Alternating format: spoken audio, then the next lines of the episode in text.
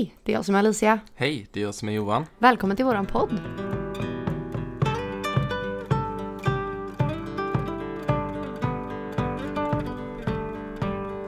Du Johan, Ja. jag har tänkt på det här med Wendigos. ja, det är ju dagens poddämne. Ja, det är ju så intressant. Mm. De är ju lite lika Skinwalkers och även lite lika Getmannen som vi har pratat om innan. Ja, det finns lite likheter. Men de skiljer ju sig faktiskt. Ja, men jag tänker, vad är ditt första minne av en Wendigo? När hörde du talas Oj. om det? Nej men jag vet inte, det har nog varit i någon podd Mm. Eh, tror jag faktiskt. Mm. Och jag har ju även läst lite historier på Reddit, läst lite, eller tittat på YouTube. Mm. Youtube. Mm. Eh, och eh, nej, men där har de ju lite så här berättelser också. Mm. Lite ljudböcker liksom. Mitt första minne av Wendigos, det var ju när jag var i tonåren. Mm, Jag vet att för hundra år sedan. Ja, jag och en kompis sov över och vi bara tittade på tv som man brukade göra på kvällen. Och då var det en film. De var ute i vildmarken i USA. Och då blev det ju, ja, någon som blev eh, kannibal typ och började slå ihjäl alla som var med och så. Ja, Sen- intressant. ja. Sen är det just eh, namnet Wendigo tänker jag ju på om man har spelat World of Warcraft. Så finns Ja. det ju en eh, best där som ser ut som, ja, typ eh, Bigfoot. Ja. Men den kallas för Wendigo. Aha. Så det, det är den ingen aning mentala faktiskt. bilden jag har Ja. av en Wendigo. ja, det visste jag inte. Nej. Ja, spännande. Mm. Men Johan, vad är en Wendigo? Ja, jag har gjort lite research nu då på detta. Bra. Och eh, man skulle kunna översätta det till skogens köttätare. Ja, mysigt. Ja. Eh, Jag har hämtat eh, lite info översatt själv från eh, legendsofamerica.com. Ja. Jag tänkte jag skulle börja med ett citat då från Basil Johnston heter han. Han är lärare och vetare i Ontario, Kanada. Om Ojibwe. Det är ett folkslag som utgör en stor del i ursprungsbefolkningen i Amerika och Kanada. Ja, Mm. eller USA. Eh, alltså en stam typ, kan man säga. Ja. Mm. Han säger så här då. Wendigon var mager till den grad av utmärgling, så pass mycket att dess hud var hårt spänd över dess skelett. Med ett skelett som pressar ut huden, dess hy lika askgrå som döden själv och ögonen som är förpassade långt bak i ögonhålorna så ser Wendigon ut som ett magert skelett med hud som precis avlägsnats från graven. Läpparna är fnasiga och blodiga. Dess kropp är oren och lider av varbildningar från köttet som avger en märklig och hemsk stank som liknar död och när något genomgår en förruttnelseprocess. Usch. Det lät ju inte så mysigt. Nej, och den här varelsen låter ju mer liksom monsteraktig än de andra. Om man tänker på Skinwalkers eller Getmannen till exempel. Mm. Så låter ju den här mycket mer monster. Ja. Ja men, I mina ögon i alla fall. Eller i mina öron. ja, ja, men undead, eller vad säger man? En odöd. Ja, den känns väldigt alltså monst monsteraktig liksom Mm. tycker jag. Jag tänker vi berättar lite info om Wendigon här nu då, som jag har sammanställt. Ja, Vi kan ta varannan punkt. ja men det gör vi. Ja. Ska jag börja? Det kan du göra. Ja, eh, varelsen Wendigo. Mm. Eh, det stavas också Windigo. Eh, de sägs hålla till i de norra skogarna av Minnesota och större delar av Kanada. Just det. Som Getmannen så har de ett specifikt Ett område. revir Ja, egentligen. Ja, det är ju spännande. det är ju intressant. Mm. Ja, sen beskrivs de då som ett monster med människoliknande drag eller som en ond ande som besitter en människa och har gjort dem då monsterliknande. Usch. Så det finns ju två olika teorier då. Ja. Men det är som du sa, Ja, men det känns lite som när vi pratade om skinwalkers att det är typ en människa som har blivit Mm. ett monster. Eller som, för då var det ju lite så här schamaner och sånt Ja. som hade gått i svart magi och liksom exakt. skapat det här. Ja, det är nog mycket magi och så. Eh, sen tänker jag, det kommer ju från stammarna. Så de har ju Ja. sådana här eh, legender typ. Precis.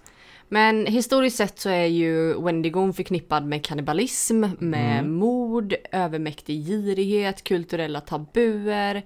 Och det, det är liksom mot dessa beteenden Mm. som, ja. Ja, just det. Men jag, jag tänker också att det med så här kannibalism och mord, det vet jag också var en del av Skinwalker-avsnittet. Ja. Att eh, de här eh, ja, voodoo-prästarna eller eh, shamanerna eller de hade ju också Begått någon tabu. ja, begått någon tabu. Mm, Och då var ju faktiskt kannibalism en av dem. mm, Eh, så det, det hänger ju också ihop tänker jag. mm. Och det som sticker ut mest för mig med Wendigo det är det här med kannibalism. Ja, Just för att det var ju det den här filmen handlade om. ja precis. Att de blev typ helt galna och skulle äta upp varandra. Ja, men de här är ju väldigt eh, aggressiva med. Mm. Ehm, sen är de ju då, vi sa ju lite namn innan, Windigo.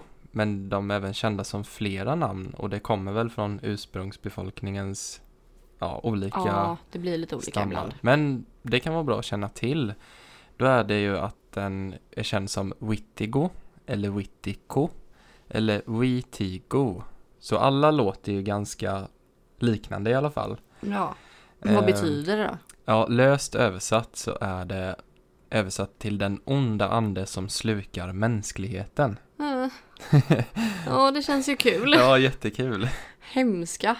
Ja, Ja, nej men eh, trots att några varianter av Wendigon finns hos ursprungsbefolkningen i olika stammar mm, eh, så är liksom den gemensamma nämnaren för Wendigon Mm. eh, är ju att den är ondsint och det här som vi pratar om kannibalism. just det. Eh, och det är ju liksom en övernaturlig varelse som är förknippad med liksom den, de norra delarna, kyla, vinter och liksom svält. Den är ju väldigt utmärglad Ja, och precis. mager liksom. Och det ringer en klocka nu när du säger det med den här kylan. Mm. Jag tror det var så i den här filmen att de blev lite typ isolerade. Ja, på grund Ja. av att det var vinter eller Ja, att de ja. inte kunde ta sig fram. Exakt. Typ The Aha. Shining om du tänker dig. Ja, ja, ja. Mm. Ja, Ehm, intressant. mm.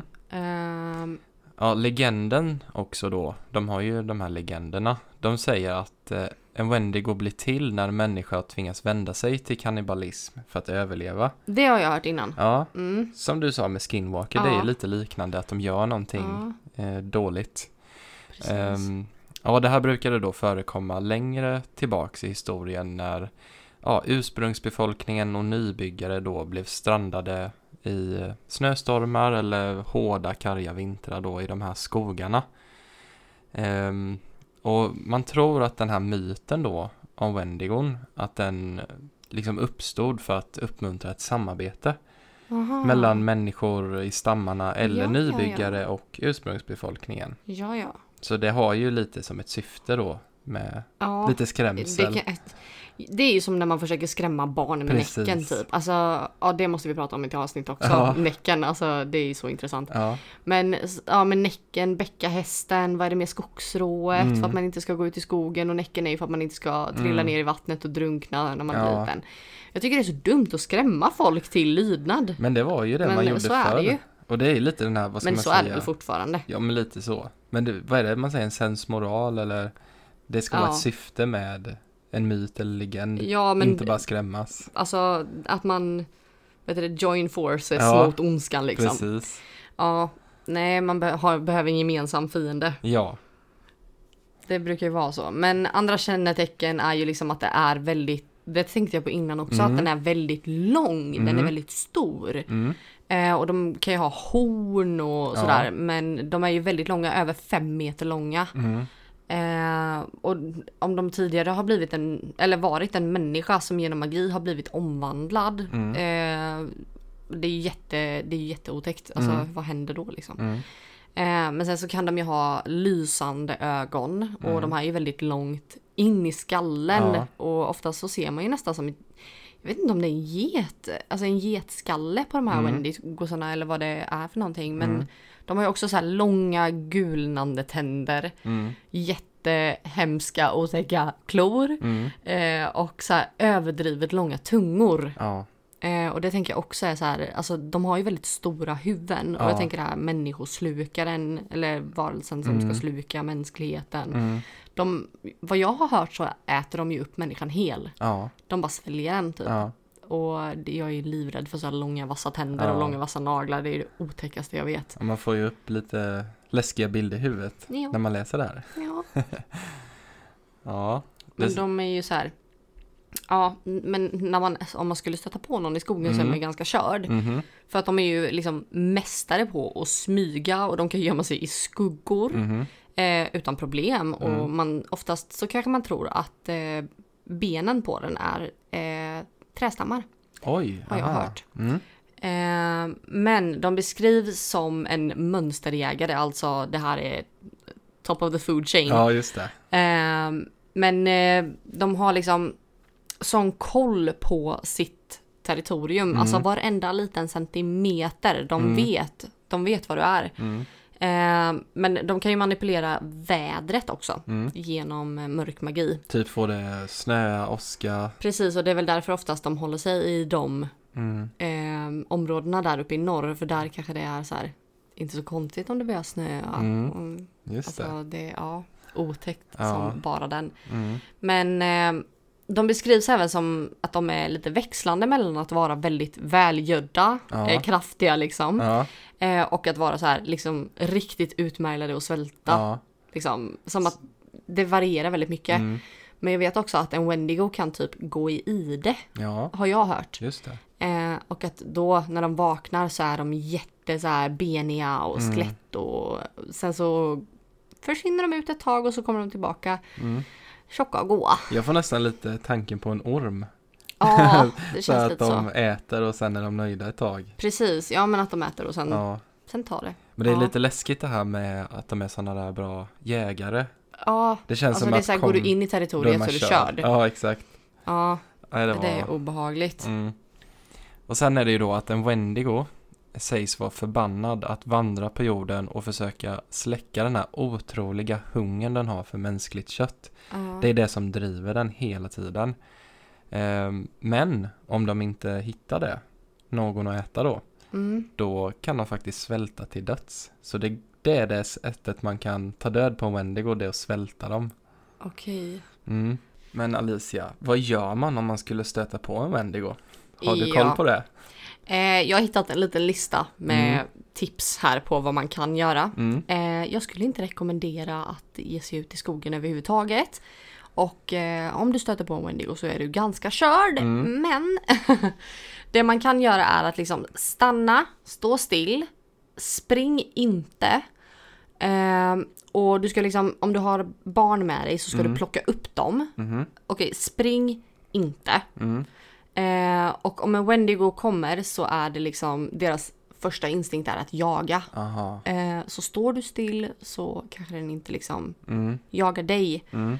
Eh, sen finns det en annan. Eh, gå inte i närheten av den. Mm. Eh, speciellt om den är liksom nära att döda. Eller om Ja. den är liksom mitt i en kill. Just det, att Jag den har fått ett menar. byte. Ja, Mm. eh, så gå inte nära den och jag vet inte vem som är så knäpp att de skulle gå nära en Wendigo Nej, då överhuvudtaget. man men ju. då får man ju checka in på psyket alltså. eh, en annan sak är att du aldrig ska ta dina ögon bort från varelsen. Håll Mhm. blicken fäst på varelsen. Så man måste backa då kan man säga. Eh, ja, alltså, ja, vänd dig inte Mm. om. Eh, titta på den hela tiden. Mm. Och böj dig inte ner och försök inte att gömma dig. Mhm. Är det Eh, också någonting som kanske triggar igång dem? Ja, Mm. det triggar igång den här jakten. Ja.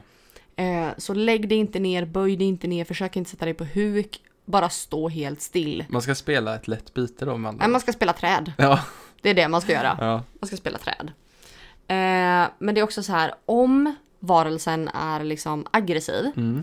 Eh, så ska man skrika, eh, vifta liksom på armarna, kasta stenar. Mm. Eh, och här är liksom tanken bakom detta är att man ska liksom försöka visa för Wendigon att man inte är ett byte. Mm. Eh, men att man kan vara farlig. Mm. Eh, och det står också som en liten disclaimer Mhm. här att det här kommer antagligen inte funka. Eh, för att de är liksom naturliga predators. De har ingen Eh, över sig de, liksom. Nej, Mm. och de kommer, de kommer antagligen inte bli rädda för dig. Det känns som hopplöst men man Ehm. kan försöka i alla fall. Ja, men det här är faktiskt Ja. hopplöst. Eh, och då är det så här, sista punkten jag har. Mm. Om Wendigon attackerar, Mm. slåss tillbaka med aggressivitet. Mm. Eh, och försök stanna på fötterna. Försök att liksom stå upp så att den inte får ner dig. Mhm. Eh, och sen är det liksom så här. Det är ganska få som har lyckats med att eh, slåss med en Ja. Wendigo. Eh, och liksom, man kan inte slåss tillbaka, Mm. eh, tyvärr. Men det är ju bättre än att springa. Mm. Det, ja, Ja, jag vet inte vad Ehm. man ska säga. Det känns ju som att man inte har så goda chanser. alltså grejen är ganska så här att träffar du en skinwalker, de är oftast ganska så här försöker lura in dig. Mm. Getmannen är också så här, det, man har ju hört massa berättelser om Getmannen att han Mm. så här samlar, eller så här, han hänger med i gruppen typ. Mm. Han lockar ut en person i skogen och tar Mm. dess, den personens form. Mm. Men den här är ju verkligen så här, stöter du på, det är som att stöta på en björn typ. Ja, Alltså, du ska antingen göra dig så stor som möjligt och försöka skrämma bort den, Mm. eller så ska du bara liksom spela död fast du får inte lägga dig ner. Mm. Du måste stå upp. spela ett lätt byte. Ja, eh, nej, spela träd. Spela har vi träd. kommit fram till. ja. Ja, Ja. det var spännande. Mm, men det jag känner också det, det är kört om man Mm. stöter på en sån här. Så jag förstår att folk är rädda Mm. för det här. Ehm, hade du något mer här nu? Ja, det har jag faktiskt. Ja. En väldigt eh, spännande sak. Ja. Har du hört talas om någonting som kallas för Wendigo-psykosen? Nej, inte mer än att jag sa nyss att man, någon, att man måste in på psyket Ja. om man går emot en Wendigo. Men det det. antar att det inte har med det att göra. Det har inte med det att göra. Men eh, det är då en eh, omdiskuterad medicinsk term. Och eh, den är hämtad ur den här Wendigo-legenden. Nej. Men så som jag fattat det så det är ingenting, ingen diagnos som man ställer idag. Jaha, Utan tänk typ eh, nybyggarna när de kom. Aha, då fick man Wendigo-psykos Ja, då. men den typ, eh, ja, den, den tidens psykiatriker. Ja. Men eh, man har beskrivit det då som en psykos eh, som får människor att utveckla en hunger för mänskligt kött och att de är rädda för att de ska bli en kannibal. Okej. Så det är typ det första steget då. Ja. Den här rädslan av att jag fattar inte varför jag tänker de här tankarna. Och Ja. jag är så rädd för att jag skulle ha ihjäl någon och äta upp en annan människa typ. Mm. Eh, men ironiskt nog så utvecklar bara människor denna psykos som bor i de här områdena där den här Wendigon sägs hålla till. Oj. Det finns inga dokumenterade fall av den här psykosen i andra delar av landet. Nej, kanske också är för att man inte har liksom kommit på att Wendigon finns någon Ja, annanstans. Så att, Precis.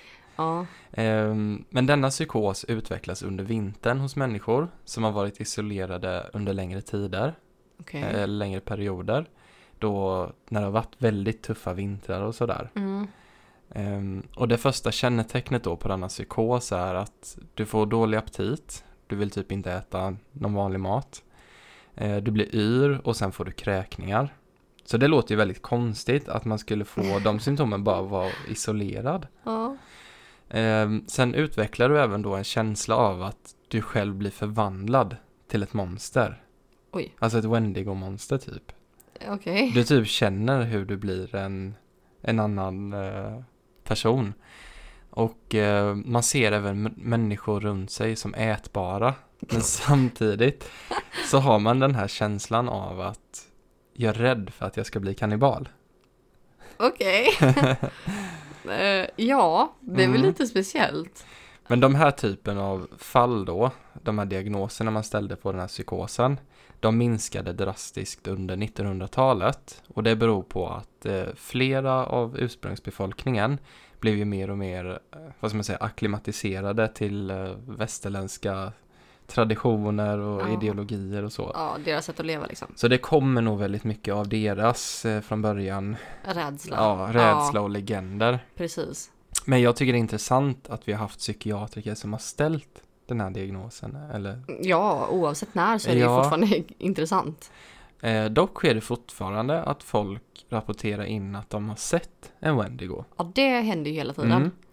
Och då är det särskilt i norra Ontario. Och då är det en eh, grotta tror jag. Eller något. Det är ett ställe som heter Cave of Wendigo. Det är runt en stad som heter Kenora.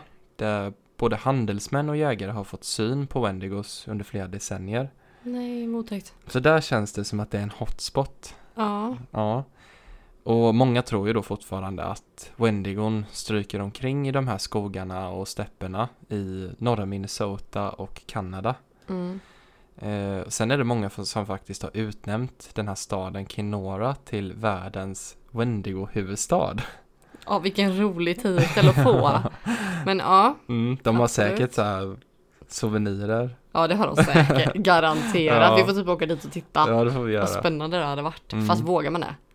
Nej, jag tror Nej, inte det. Man ska nog hålla sig undan. Vi ska inte åka dit och campa i skogen i alla fall. Nej. Men det här stället har man då fått in väldigt många rapporter av folk att man har sett en Wendigo, alltså ända fram tills idag. Ja, men det, jag vet det. Det Mm. är jättemånga historier som ploppar upp hela tiden. Mm. Och det kommer ju nya rapporter typ varje dag. Mm. Det är jätteintressant. Hur det kan vara så, Ja. att det kan gå så långt tillbaka men att det fortfarande rapporteras så mycket om det idag. Mm. Undrar om det är på grund av internet och att man liksom börjar bli... Eh, förlåt, jag blev lite distraherad av våran hund här.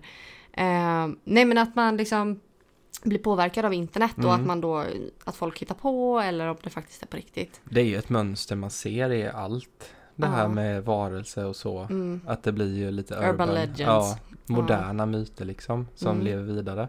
Men vi pratade ju i Skinwalkers avsnittet om att det cirkulerar ju väldigt mycket på TikTok nu. Men eh, du som hänger en del på TikTok, har du stött på Wendigos där lika mycket eller är det? Jag har stött på Wendigos lite grann ja. Mm.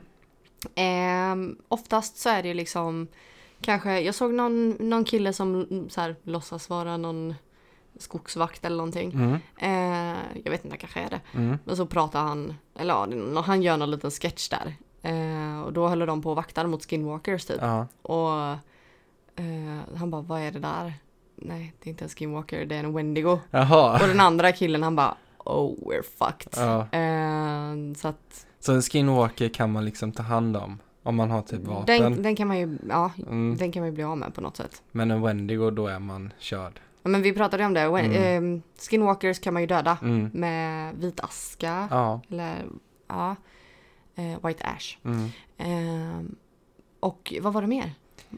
Eh, Getmannen har vi pratat om. Eller menar du vad man jag menar vad man kan göra, hur man kan döda den. Eh, ja, vit aska, sen var det väl eld tror jag va? Som var farligt. Ja. Men det sånt. var inte så mycket. Men här kan man ju inte döda Wendigon. Det mm. går ju inte, det går ju bara att svälta den. Ja. Och jag menar hur ska du stoppa den från att äta någonting? Mm. Det går ju liksom inte. Eller det äta någon, ju- rättare sagt. ja, och det känns som att den är så övernaturligt snabb med så att Det är ganska kört. Och den Mm. är liksom fem meter lång. Så Mm. att du är ganska liten i jämförelse. mm. Oh, you're fucked. Ja.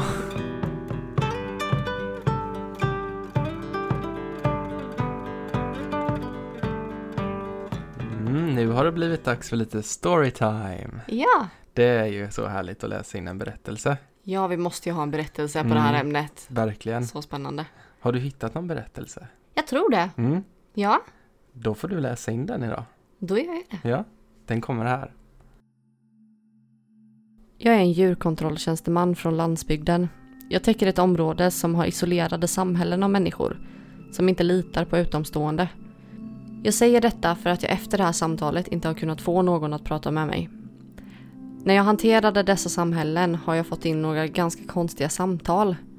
Ett sådant samtal gjordes av en kvinna vars familj hade flyttat in på en av dessa platser. Hon och hennes man var läkare och eftersom landsbygdsläkare är svåra att få tag på ville hon och hennes man fylla det behovet. För de två var det dock lite en kulturchock.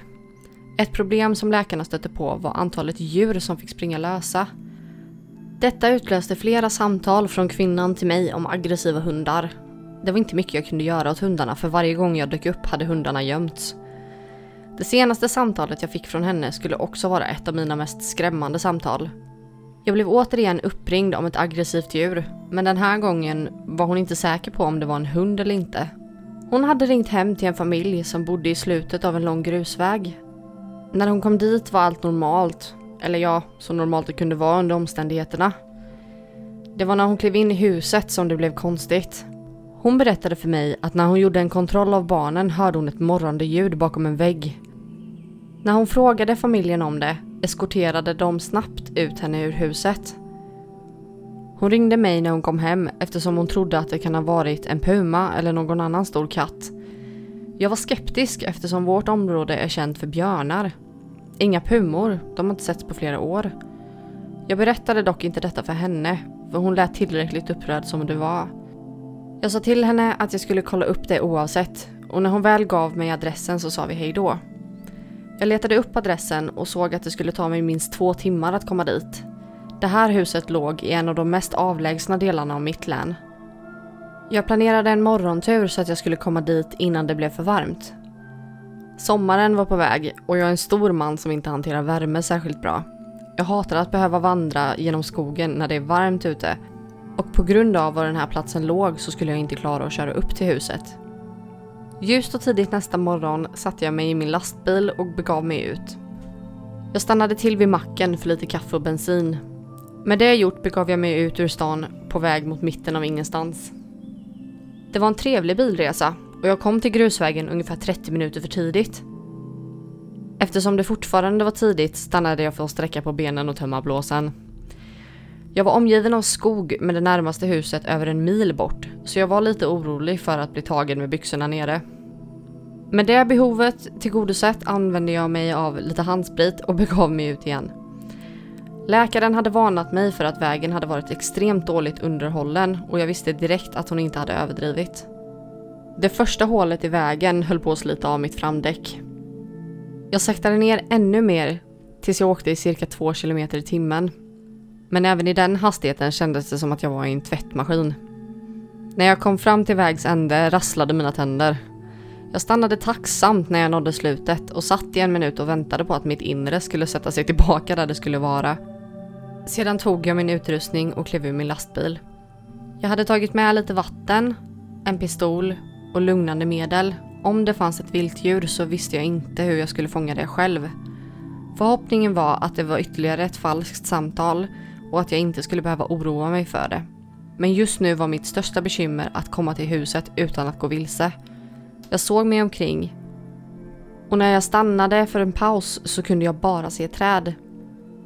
Annat än det var det någonting som kändes jobbigt med skogen som omgav mig. Jag kände hur hårstråna reste sig i nacken och oavsett hur varmt det var kröp det en rysning ner för min rygg. Jag rynkade pannan åt känslan. I mitt arbete kunde det rädda ditt liv att lyssna på dina instinkter och jag satte mig nästan tillbaka i min lastbil och åkte. Jag tog ett djupt andetag och skakade av mig känslan. Det fanns ingen anledning till min panik och jag sa till mig själv att jag var löjlig. Jag tog mig till den smala stigen som jag kunde se mellan några träd. När jag väl var där så ställde jag in min GPS så att jag kunde hitta tillbaka till min lastbil. När jag väl hade fixat det började jag min promenad. Läkaren hade sagt till mig att huset låg en halv mil från slutet av grusvägen. När jag gick längs stigen blev jag medveten om bristen på ljud. Vanligtvis hörde jag fåglar, insekter, djur som rörde sig i undervegetationen men nu fanns det ingenting att höra förutom mina egna steg. Jag fortsatte att titta mig omkring i hopp om att se något tecken på liv, men jag hade ingen tur. Allt jag kunde se var solen som sken ner genom träden och jag kunde känna hur temperaturen steg när morgonen gick till dag. Sen när jag kom närmare huset kunde jag höra ljudet av barn som lekte. Jag kände hur jag pustade ut av lättnad av livets alla ljud efter en så stillsam promenad. Lättnaden varade dock inte länge, för när jag trängde mig in genom träden in i en glänta såg jag att det inte fanns någonting där. Jag frös och såg runt omkring mig. Jag kunde se hagar och en gammal lada som såg ut som om det skulle falla ihop. En bit därifrån såg jag huset i fråga. Det var förfallet, ungefär som ladan såg den ut som att den skulle kunna falla ihop av en vindpust. Vid det här laget började jag undra om någon hade skickat ut mig på skämt. Det såg inte ut som läkaren hade beskrivit. Jag svalde och tvingade mina fötter att röra sig framåt. Eh, det här är djurkontroll, finns det någon hemma? ropade jag när jag gick längre in i gläntan. Tystnaden var mitt enda svar. Jag flyttade mig närmre hagen och jag hoppade tillbaka med ett litet rop. I hagen låg ett färskt kokadaver. Men inte vilken ko som helst. Den här hade tre massiva klomärken längs sidan. Ovanpå det så buktade ögonen ut tillsammans med tungan. Kon såg ut som att den hade blivit chockad och sen klämd i bitar. Jag vet inte med dig men jag kan inte komma på någonting som är starkt nog att kväva en ko. Jag lämnade hagen och vände tillbaka mot huset. Jag bestämde mig för att jag skulle lämna ladan eftersom den såg för farlig ut för att gå in i. Hej, är det någon här? Jag ropade igen. Jag visste att om jag var smart så skulle jag springa tillbaka till min lastbil med svansen mellan benen. Jag kunde dock inte lämna utan att se till att ingen behövde min hjälp. Med skadorna på kon var jag orolig för vad som hade hänt med familjen som bodde här. Om det i själva verket bodde någon här överhuvudtaget. Jag nådde den ruttnande verandan och stannade upp innan jag gick upp för trappan. Ytterdörren hängde i ett gångjärn och fönstren var krossade. Det såg ut som om ingen hade varit här på många år. Hallå, det är djurkontroll, är det någon hemma? Jag ropade för tredje gången, fick förstås inget svar och jag höll på att avbryta sökandet. Innan jag hann vända mig om hörde jag ett svagt gråt från ett barn. Är det någon där? skrek jag medan jag sakta gick upp för trappan. Jag hörde ljudet igen och det lät som om det närmade sig. Jag drog fram min ficklampa och sken in ljuset genom den öppna dörren. Allt jag kunde se var skräp från skogen och ett tjockt lager av damm på golvet. Jag gick närmare dörren och verandan gav ifrån sig ett alarmerande knarr. Jag frös, men golvet höll. Vid det här laget kallade jag mig själv en idiot för att jag inte redan hade lämnat. Ljudet kom igen så jag tvingade mig själv att kliva in genom dörren. Där inne såg det ut som att familjen helt enkelt hade försvunnit. Allt var fortfarande på sin plats. I hörnet av rummet så stod det till och med middag dukad på matbordet. Luften i huset luktade förruttnelse och mögel. När jag gick längre in i rummet var det helt tyst i huset. Allt jag kunde höra var min ökande puls och luften som rörde sig in och ut ur mina lungor. Denna tystnad var inte naturlig för mig. Min oro växte. Jag bestämde mig för att nu skulle vara ett bra tillfälle att dra fram min pistol. Om något försökte få tag på mig så hoppades jag att jag skulle vara snabb nog att försvara mig. Nu när jag kunde se var jag klev gick jag längre in i huset och försökte hitta källan till det ursprungliga ljudet. Huset hade bara en våning. Köket, matsalen, vardagsrummet tog upp ena halvan av huset. Jag stannade utanför köksdörren och tittade in för att se om någonting lurade på mig. Köket var som resten av huset, med resterna av kvällsmaten på spisen. Jag gick inte in i rummet eftersom det var ett stort hål i mitten av golvet. När jag gick vidare hittade jag det första av sovrummen, mitt emot köket. Av dekorationen att döma så var det här ett barnrum. Eftersom att jag inte såg någonting av intresse så gick jag vidare förbi barnrummet till det största sovrummet i slutet av hallen. Jag klev in i det här rummet och det första jag såg var blod utsmetat över väggen bakom sängen. Det var i formen av stora klomärken och jag spände mig vid det andra tecknet på våld. Jag såg mig omkring i rummet och mina ögon gled över en skugga i hörnet av rummet. Det slog mig att någonting var där och jag tog upp ficklampan i hopp om att jag inbillade mig. Gud vad jag önskar att jag hade inbillat mig. I hörnet så satt ett djur som jag aldrig har sett förut. Den var lika hög som jag när den satt ner. På var och en av hans framfötter fanns tre massiva klor. Musklerna på frambenen såg starka nog ut för att strypa en flodhäst mycket mindre än ko. Varelsen ropade lågt och jag blev kall. Det lät som ett barn som gråter. Jag började backa mot dörren och varelsen reste sig. Jag kunde direkt se att jag hade haft rätt om storleken. Jag såg skräckslagen på när den öppnade munnen och började flämta. Den hade rader av massiva tänder och till och med från där jag stod var lukten hemsk. Dess bakben var lika muskulösa som frambenen och jag undrade hur jag skulle kunna springa undan från den här saken om jag var tvungen att göra det. Jag tog ytterligare ett steg tillbaka och varelsen tog ett steg framåt. Det kändes som om någon sorts konstig dans när jag gick baklänges och varelsen matchade mina steg. Jag tog upp min pistol och höjde den mot varelsen. Den hade inte gjort några hotfulla drag mot mig förutom att leka följa John. Jag hade dock en känsla av att den väntade på att jag skulle släppa ner min gard. Vid åsynen av pistolen gjorde varelsen ett utfall mot mig och jag avlossade snabbt två skott. Varelsen föll tillbaka med ett öronbedövande dån. Jag använde denna möjlighet för att vända mig om och springa utan att ta tid att ta reda på var jag hade träffat varelsen. Jag visste att jag hade skadat den så jag hoppades att det skulle vara tillräckligt för att jag skulle hinna komma undan. Jag sprang mot ytterdörren och bad till alla gudar jag kunde tänka på att golvet skulle hålla. På något sätt kom jag fram till ytterdörren och bakom mig kunde jag höra varelsen försöka resa på sig. Det gjorde så fruktansvärda gnällande och gråtande ljud. Det lät så mycket som ett barn med extrem smärta att jag nästan vände mig om. Jag kallade mig själv för en idiot och sprang iväg igen.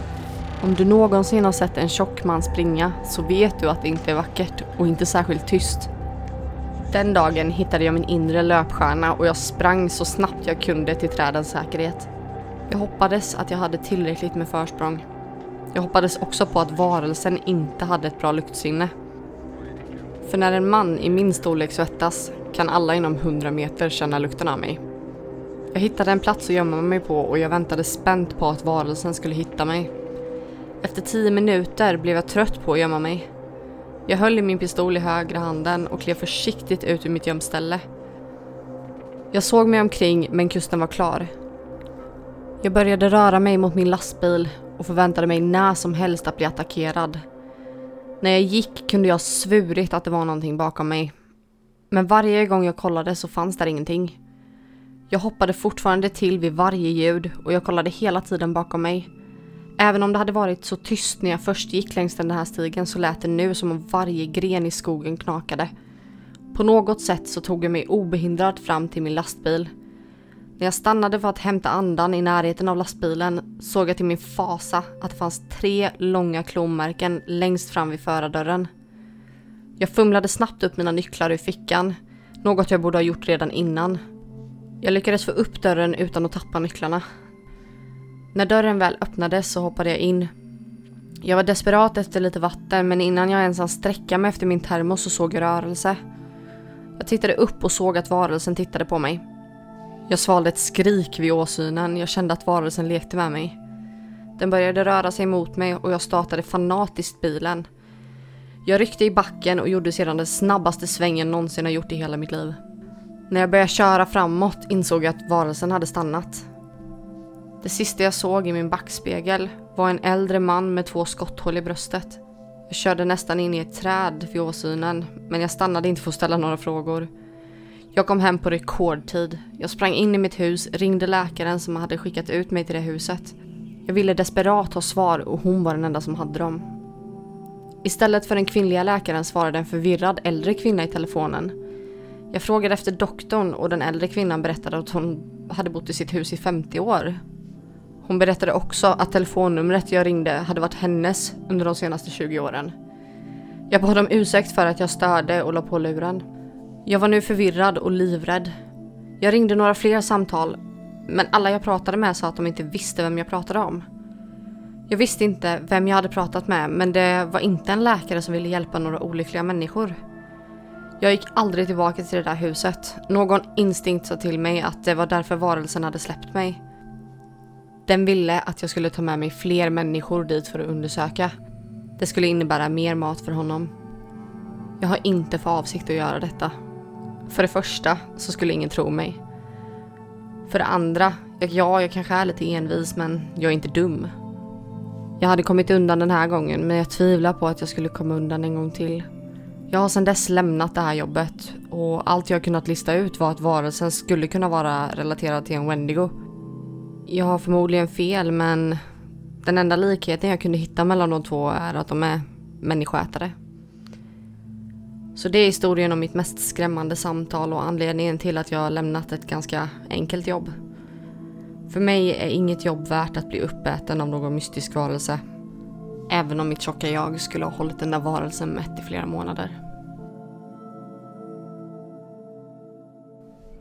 Spännande. Ja, För er som har sett Stranger Things. Jag fick ju upp en bild i huvudet att detta var Jim Hopper. jag med. jag tänkte i första säsongen ja. Ja, Ja, men jag ser han framför mig. ja typ. det gör jag med. Mm, det verkar Verkligen. vara lite samma stuk på killen. Ja, och jag tycker även att varelsen, alltså Wendigon känns lite som de här. Ja, Demogorgons. Demogorgons. Ja. Stora fans är Ja, vi. verkligen. Ja. Ja. Detta var ju avsnittet om Wendigos. Ja, Nu har vi inte så mycket mer om det. nej. Så vi tänkte att vi rundar av. Ja, vi rundar av. Mm. Och eh, om du har lyssnat hit till slutet så eh, hitta på Instagram Mm. vårat inlägg om den här och eh, kommentera spela träd. Spela träd. Det blir jättebra. Det blir kul. Mm. Det är alltid lika roligt när det är någon som har lyssnat till slutet faktiskt gör det. Ja, verkligen. Och då får man en liten guldstjärna. Ja, det får man. Eh, vi finns ju på Instagram. Det är familjens bök. Familjens Mm. bok. Spok till och med. Familjens bok. Vi har eh, hemsida www.familjensspok.se Ja, och vi länkar ju allting mm. i beskrivningen för Mm. avsnittet. Ja. Eh, ja, men det var Jätte- bara det. Jättekul att ni har lyssnat. Ja, vi hörs nästa vecka. Det gör vi. Hej då! Hej då!